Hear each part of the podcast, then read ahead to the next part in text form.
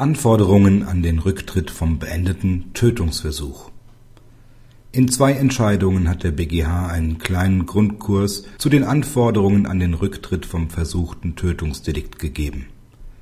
In einem vom vierten Strafsenat entschiedenen Fall hatte der Täter seine Frau niedergestochen.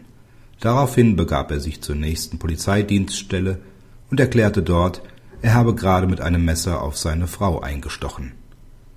Das Landgericht Paderborn hatte hier einen strafbefreienden Rücktritt vom beendeten Versuch angenommen, weil zugunsten des Angeklagten davon auszugehen sei, dass er durch seinen Gang zur Polizei auch schnelle Hilfe für seine Ehefrau hatte veranlassen wollen.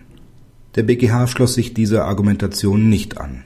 Es sei zwar grundsätzlich zulässig, den Zweifelssatz auch auf das Vorliegen von Rücktrittsvoraussetzungen anzuwenden, wenn bei einer Gesamtbeurteilung der Beweistatsachen keine eindeutigen Feststellungen getroffen werden können, doch habe das Tatgericht hier unzulässigerweise zugunsten des Angeklagten eine Tatvariante unterstellt, für deren Vorliegen es keine konkreten Anhaltspunkte gebe.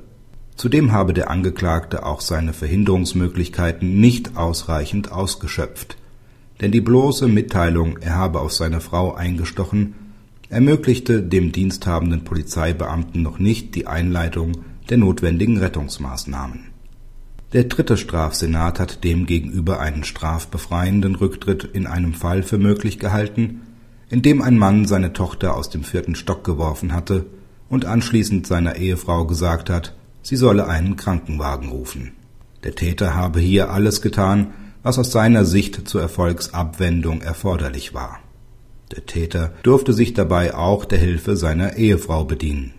Er war nicht gehalten, sich zu vergewissern, ob sie seiner Aufforderung Folge leistete, da es keine Anhaltspunkte gab, die dies zweifelhaft erscheinen ließen.